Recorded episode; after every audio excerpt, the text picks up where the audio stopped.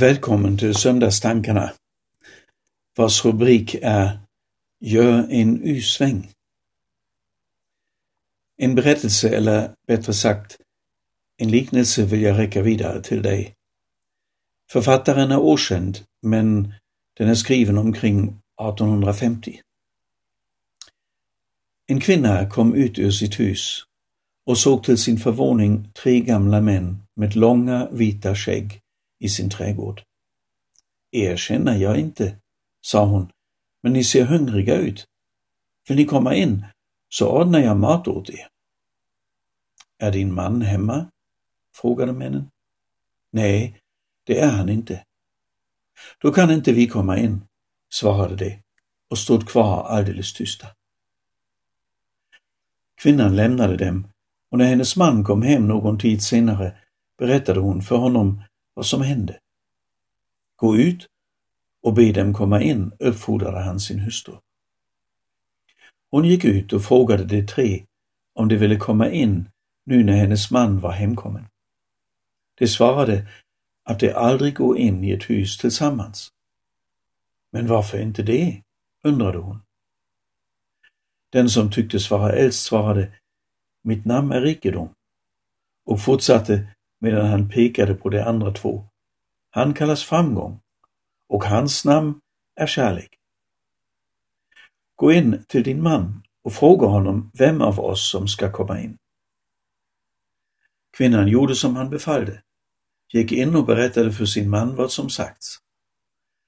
Hans reaktion lät inte vänta på sig och han nästan ropade, så fantastisk!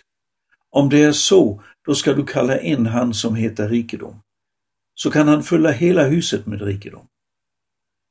Men kvinnan tvekade och föreslog istället att kalla en framgång i deras hus. Under tiden hade deras svärdotter kommit och lyssnat till deras ordväxling. Vänta! Vore det inte allra bäst att be kärleken komma in? föreslog hon och fortsatte. Tänk om hela huset fylls av kärlek. Så underbart det skulle bli. De andra två gav med sig och följde svärdotterns råd.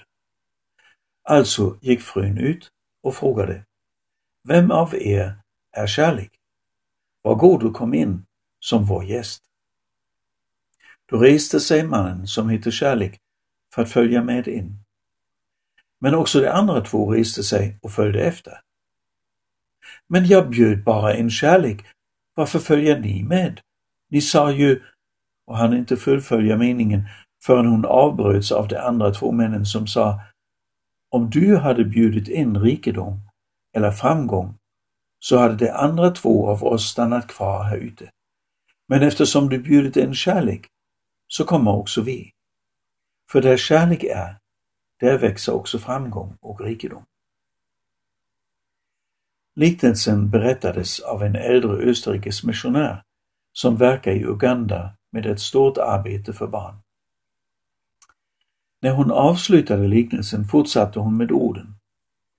Är det så att vi i västvärlden under de senaste decennierna har ställt framgång och rikedom före allt annat så att det har blivit våra största avgudar? Det som är viktigast för Gud, det ska vi sätta först. Då följer allt det andra med, resonerade hon och fortsatte.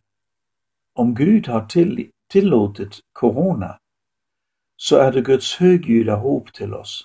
Kom tillbaka till mig, tillbaka in i min kärlek. Gud ropar oss tillbaka in i ett kärleksförhållande till honom.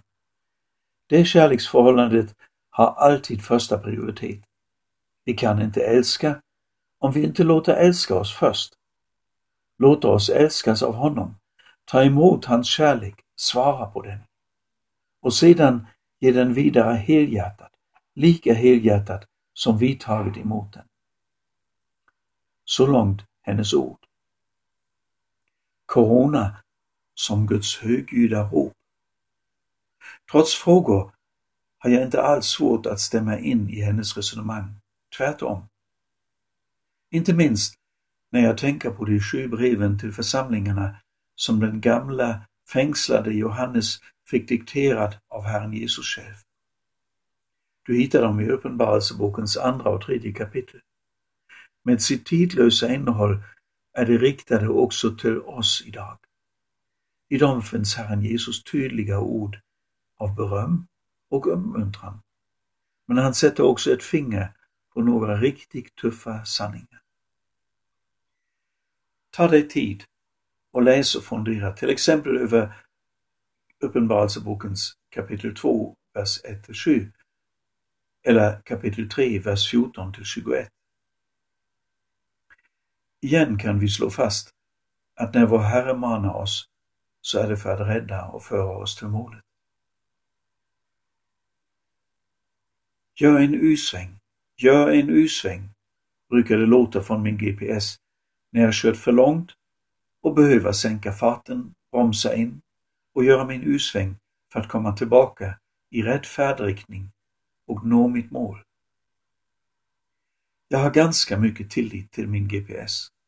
Men så oändligt mycket mera av tillit får jag ha till Herren Jesu egna ord och anförtro därför hela mitt liv hans, till hans kärleksfulla nåd, om och om igen. Låt Guds frid regera i ditt hjärta. Var tacksam och låt Kristi ord rikligt bo hos er. Och dessa Paulus orden leda dig i veckan som kommer.